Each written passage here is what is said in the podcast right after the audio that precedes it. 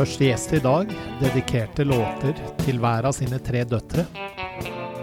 Og etter å ha rundet over 200 000 strømminger, bestemte han seg for å lage et album av dette.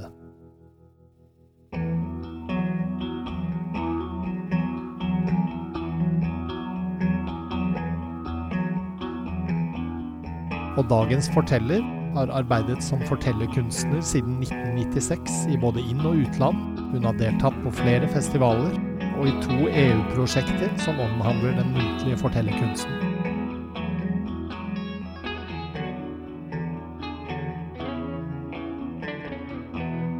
Du hører på Plottet, en podkast om kultur og formidling av nettstedet og magasinet Kulturplott. Mitt navn er Bård Andersson.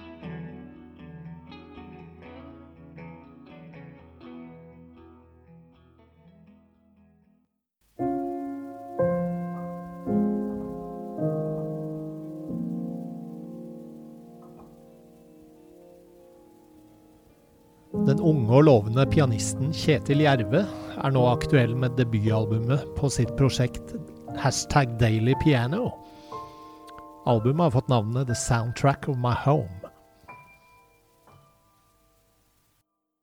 Du er ute med albumet The Soundtrack of My Home, eh, som vi trygt kan kalle et konseptalbum. Eh, gratulerer med det. Tusen takk for det, Bård. Eh, hvordan ble det albumet til? Det begynte med at eh, jeg fikk tre barn på en gang. Tre døtre som eh, vi eh, rett og slett måtte rote opp fra sagene og, og komme oss ut der det er litt snillere boligpriser, og endte da opp i et fantastisk område på Holmlia. Med dobbelt så stor plass og minst dobbelt så stor familie, da. Og vi, jo, vi var førstegangsforeldre, og det er jo litt sånn risikable forhold med tre barn i magen, så vi var jo veldig spent på det og fokusert på det. Og jeg satte det meste på vent for å være forberedt på det her. Og fra september i fjor så har vi rett og slett bodd her med, med tre sånne små vidunder som har vokst og vokst som bare det. Og vi har jo fortsatt piano i stua, så klart. Noe som er setter veldig pris på som pianist å kunne både spille for meg sjøl og andre. Men det er jo klart, det, sistnevnte har jo blitt lite av sånn i konsertform. Jeg tok jo pause fra det aller meste. Men så var det en venn av meg som heter Bendik Baksås, som er DJ og produsent og driver med elektronisk musikk. Vi har samarbeida mye de siste sju åra, og han sa til meg at du må jo bare legge ut noe på Instagram. Jeg savner å se fingrene og, og høre lydene fra pianoet ditt. Og, og, så tenkte jeg bare at det var jo en fin idé. Jeg har ikke vært så veldig aktiv på sosiale medier, og det kan jo være en fin måte å ha litt kontakt med et publikum på. Så jeg begynte rett og slett å ta mobilen opp på pianoet og bare filme noen snutter. Og der min metode å lage musikk på er jo en improvisert måte. Så jeg setter meg egentlig bare ned og får ut det første som dukker opp i hodet, og hvis det ikke faller umiddelbart i smak, så bare tar jeg den neste ideen og lager noe ut ifra det, og lar det vare I utgangspunktet var det bare ett minutt per snutt, for det er liksom Instagram sin, sin rekkevidde på disse videoene sine. Men så ble det en Det ble en liten hit i mitt omegn, sånn med de jeg kjenner, da. Og så begynte det å spre seg sakte, men sikkert. Og folk i jazzmiljøet begynte å følge med på det. Det er jo der jeg på en måte hører til i utgangspunktet. Og det ble litt sånn en slags sånn gimmick, men som betydde mye for meg, da, å få ha den her, det prosjektet som det, Jeg kalte det for Daily Piano, med sånn emneknagg Daily Piano. Og det var liksom en utvikling der da, som, som, skjedde med tanke på at folk kunne skrive inn litt sånn ønsker hvis de så for seg noe jeg skulle prøve på. Så kunne jeg liksom sno meg rundt og, og prøve den ideen også. Men det har stort sett vært bare sånne innfallsmoment som har etter hvert blitt daglig. da. For jeg tenkte også Daily Piano kan være litt sånn skalkeskjul med eh, Det betyr også på en måte dagligdags. Så jeg starta jo med å legge ut sånn litt hver uke. Men så tenkte jeg etter hvert at jeg skal gjøre det her litt mer sånn dagbokform. Og i påska, eh, rett etter koronaen begynte, så var det jo eh, ingen som spilte konserter lenger. Eh, og, jeg fikk for meg at nå skal jeg gjøre det hver dag. Så det har stort sett eh, klart å holde gående da, i eh, en slags dobbel karantene. da, Med eh, å, være hjemme med de ungene og familien. Og, og da at alle andre også, som konsertvirksomheten har vært i brakk. For familien og de du er glad i, har jo vært viktig i forbindelse med utviklingen av, av det albumet her, ikke sant? Ja, det ble naturlig for meg å um, gi disse låtene et navn, da, når det ble klart for meg at jeg kan, jeg kan jo rett og slett eh, gi ut eh, disse her låtene som det har blitt til. At eh, etter hvert som jeg, jeg slutta bare spille inn ett minutt av gangen, jeg begynte å spille inn sånn to, tre, fire minutter. Og da, i tillegg til at jeg tar det opp på videoen der, så kan jeg også ta det opp eh, i god lydkvalitet samtidig. Så jeg tok og samle sammen de snuttene som jeg var mest gira på å dele på mer sånn ordentlig distribusjon gjennom Spotify og de kanalene. Og så endte jeg opp eh, egentlig etterpå å gi de eh, titlene til ungene mine og til kona. Og så skjønte jeg at da får jeg bare Det passer veldig bra å samle det til en sånn um, nær familie-dedikasjon. Mm, ordet dedikasjon betyr mye for meg, fordi at uh, jeg er veldig interessert i etymologi og ordets opprinnelse. Og det kommer fra dedikare, som betyr å innvie. Og at jeg føler på mange måter at jeg innvier folk mye mer i mitt musikalske og personlige liv gjennom det her prosjektet enn det jeg har gjort tidligere med å være med i veldig mange band og trives veldig godt med det. Men samtidig føler jeg at det her har vært en litt sånn eh, innvielse i hva som på en måte faktisk rører seg i eh, eh litt mer sånn på mitt litt mer personlig nivå. Og der det, det, det er som står for både konteksten og eh, innholdet. Du nevnte at uh, du mm, improviserer fram disse låtene, men uh, hva, hva, ønsker du å formidle med musikken din? Jeg mener at uh, det oppstår en rytme gjennom all repetisjon. Så når jeg gjentar meg sjøl og gjentar meg sjøl i musikalske strofer, så oppstår det et rom som er lettere for meg som lytter å leve meg inn i, enn hvis det hele tida skal eh, måte, dannes eh, mange assosiasjoner på rad, sånn som gjennom Eh, som er helt vanlig i musikk, for all del. Eh, at, at, eh, en poplåt skal på en måte gi et veldig tydelig bilde med tekst og melodi, og, og ha veldig tydelige referanser. Mens de, mine musikalske ideer de er ofte litt mer abstrakte enn en den typen musikk. Og gjennom å repetere dem og gi en uh, tydelighet gjennom uh, gjentagelsen, og små variasjoner i stedet for store hopp, så føler jeg at jeg kan gi en slags trygghet gjennom det.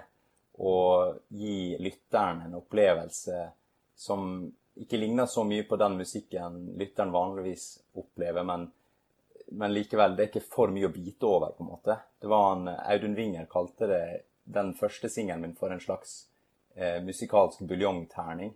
At det ligger mye i det, selv om det er veldig veldig lite. Det er, det er, og jeg har også fått høre at det er jo bare det samme om igjen om igjen. Og ja, på en måte så er det det samme om igjen om igjen, men for meg så er ikke Livet blir aldri det samme om igjen og om igjen. Selv om vi har to gråværsdager på rad nå i november, så er det jo uendelig mye som er helt ulikt fra dag til dag også. Hvis man bare er interessert i å se etter det. Så jeg, inviterer lytteren til å finne de subtile variasjonene som likevel skjer hele tida i den repetisjonen. For jeg er jo bare et menneske. Jeg kan ikke utføre musikken som en maskin. Hva vil du kalle musikken din selv? Jeg har tenkt mye på det der, nemlig. Det varierer litt fra låt til låt hvordan det utarter seg, men det er en Jeg syns minimalisme er et godt begrep. Fordi at det, er, det, er, det gjennomsyrer på en måte alle ideene. at hvis jeg kan velge mellom en litt mindre ting enn en litt større ting, så velger jeg ofte den litt mindre tingen. Fordi at det skal være rom til den der naturlige variasjonen som skjer når jeg som menneske utfører den. Så jeg kan godt si minimalisme. Og hva er planene fremover nå, da? Er det noen spesielle prosjekter etter at vi får kontroll på pandemien? Ja, jeg har jo veldig lyst til å spille den musikken live for folk. Eh, og det skal skje. Det blir annonsert en, eh, en slags signeringskonsert eh, her i Oslo som, hvor jeg skal få med meg både vinyl og CD. Men da er det selvfølgelig mye kø og sånn på trykkerier, og veldig, det har aldri vært lignende tilstander i, i noen av disse involverte bransjene. Så eh, jeg smører meg med tålmodighet, som jeg allerede har blitt godt vant med det året her. Eh, og det, det kommer da en, eh, en, slags lansering der, da, som er utenom den digitale. Så folk kan jo allerede høre musikken. Men den oppstår også live siden jeg improviserer mye og jeg lager, kan lage nye stykker i, på direkten foran publikum, så tror jeg det jeg har også en eh, I hvert fall syns jeg er veldig interessant å høre når andre gjør det. Så eh, det blir nå en del av det. Og så har jeg en livestream eh, gjennom en sånn Brooklyn-basert lunsjkonsertserie som heter We Are So Cool. Med en eh, kompis som bor i Brooklyn, som driver, da med å ha hatt masse fantastiske både New York og internasjonalt baserte eh, artister som, som, spiller da eh, i norsk tid klokka sju eh, på kvelden hver torsdag. Så er det sånne hjemmesnekra livekonserter. Og jeg skal spille fra min stue den 21. januar. Så det blir den offisielle releasekonserten internasjonalt for den plata The Soundtrack of My Home.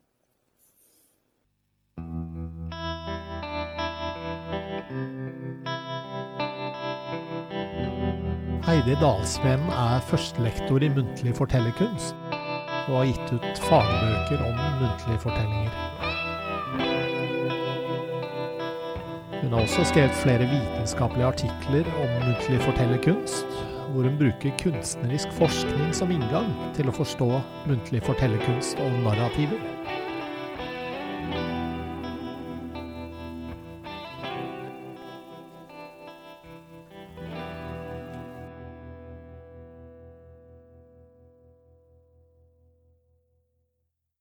Når eh, begynte du å interessere deg for uh, fortellinger?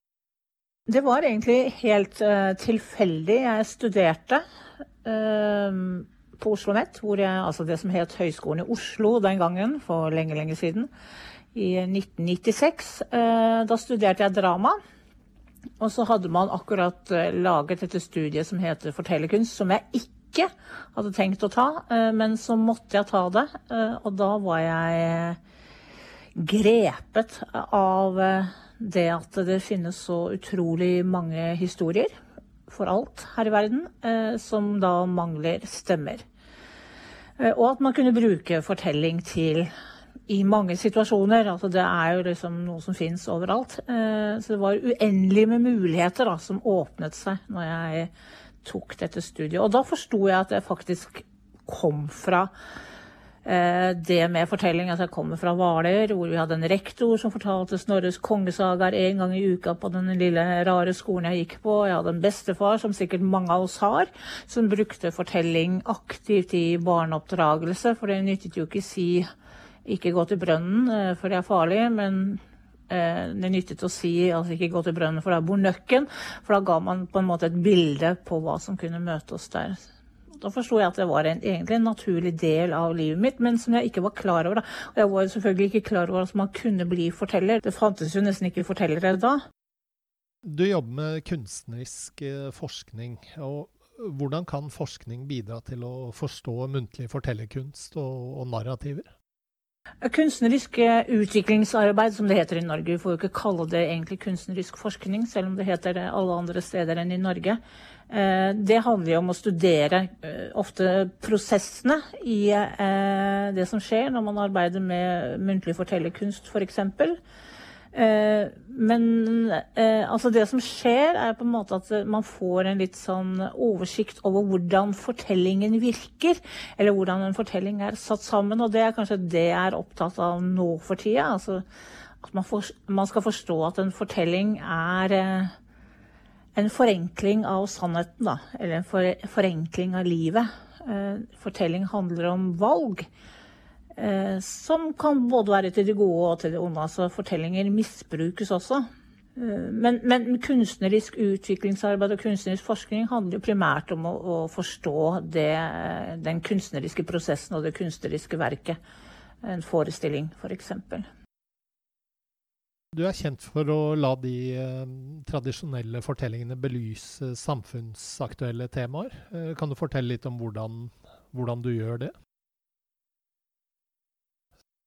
Ja, da um, uh, kan du ta noen eksempler som kanskje er mer uh, Nå har jeg hatt studenter, jeg jobber jo på Oslo OsloMet, altså, hvor jeg underviser og har ansvar for studiet muntlig fortellerkunst. Og studentene har akkurat vært igjennom Eh, to dager med eksamen nå, hvor de har hatt egne forestillinger. Og der er det en eksempel på hvordan man kobler samtiden med tradisjonen.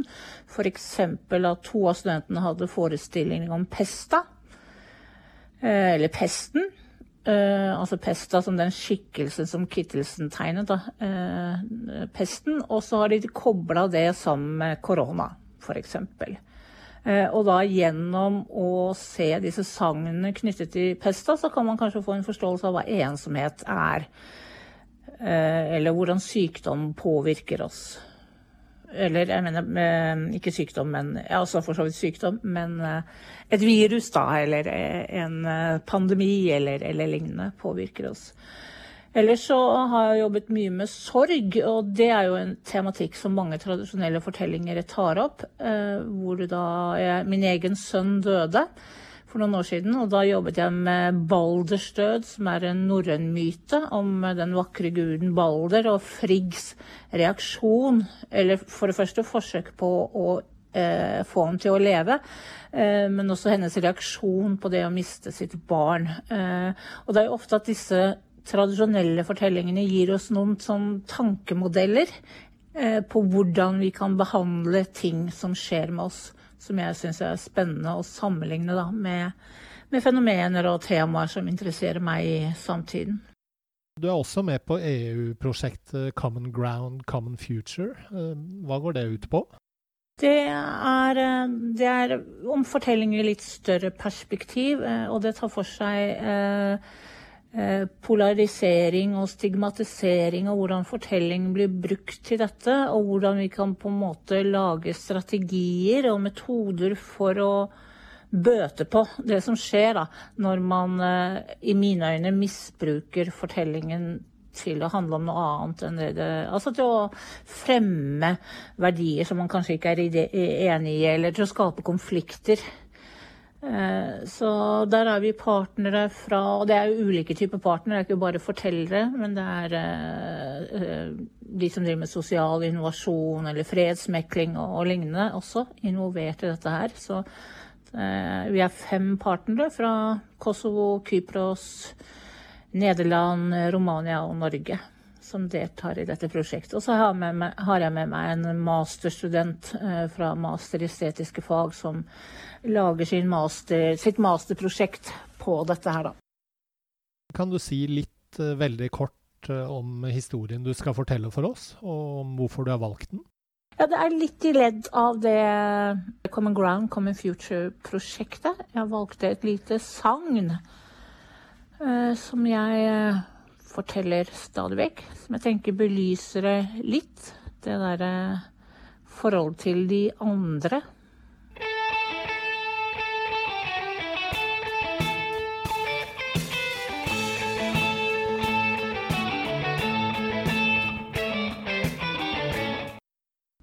For lenge, lenge siden så var det jo slik, som vi alle vet, at Adam og Eva ble kastet ut av Edens hage.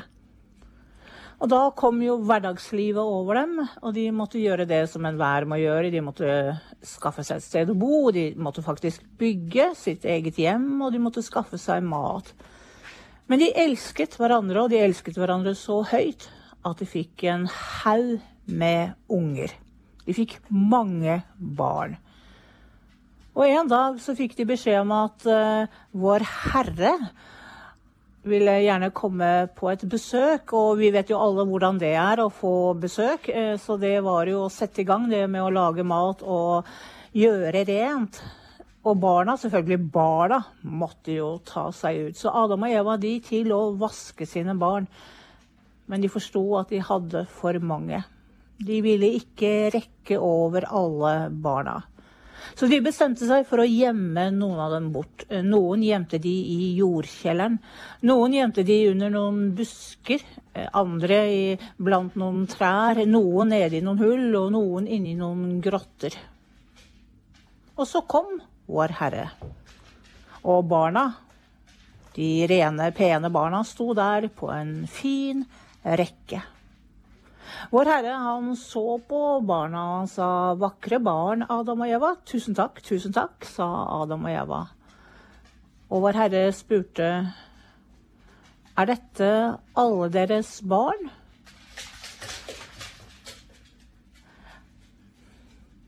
Ja, det er det, sa de to. Da sa Vår Herre, så la de som er skjulte, forbli skjulte, og la de som er gjemte, forbli gjemte, men ikke glemte. Og slik gikk det til at alle disse barna som ble gjemt bort i kjellere, i hull, i skoger, under busker og i grotter, ble de andre, eller de underjordiske, som vi også kaller de, de som alltid lengter etter å være en del av oss, men de som vi aldri slipper inn, til oss.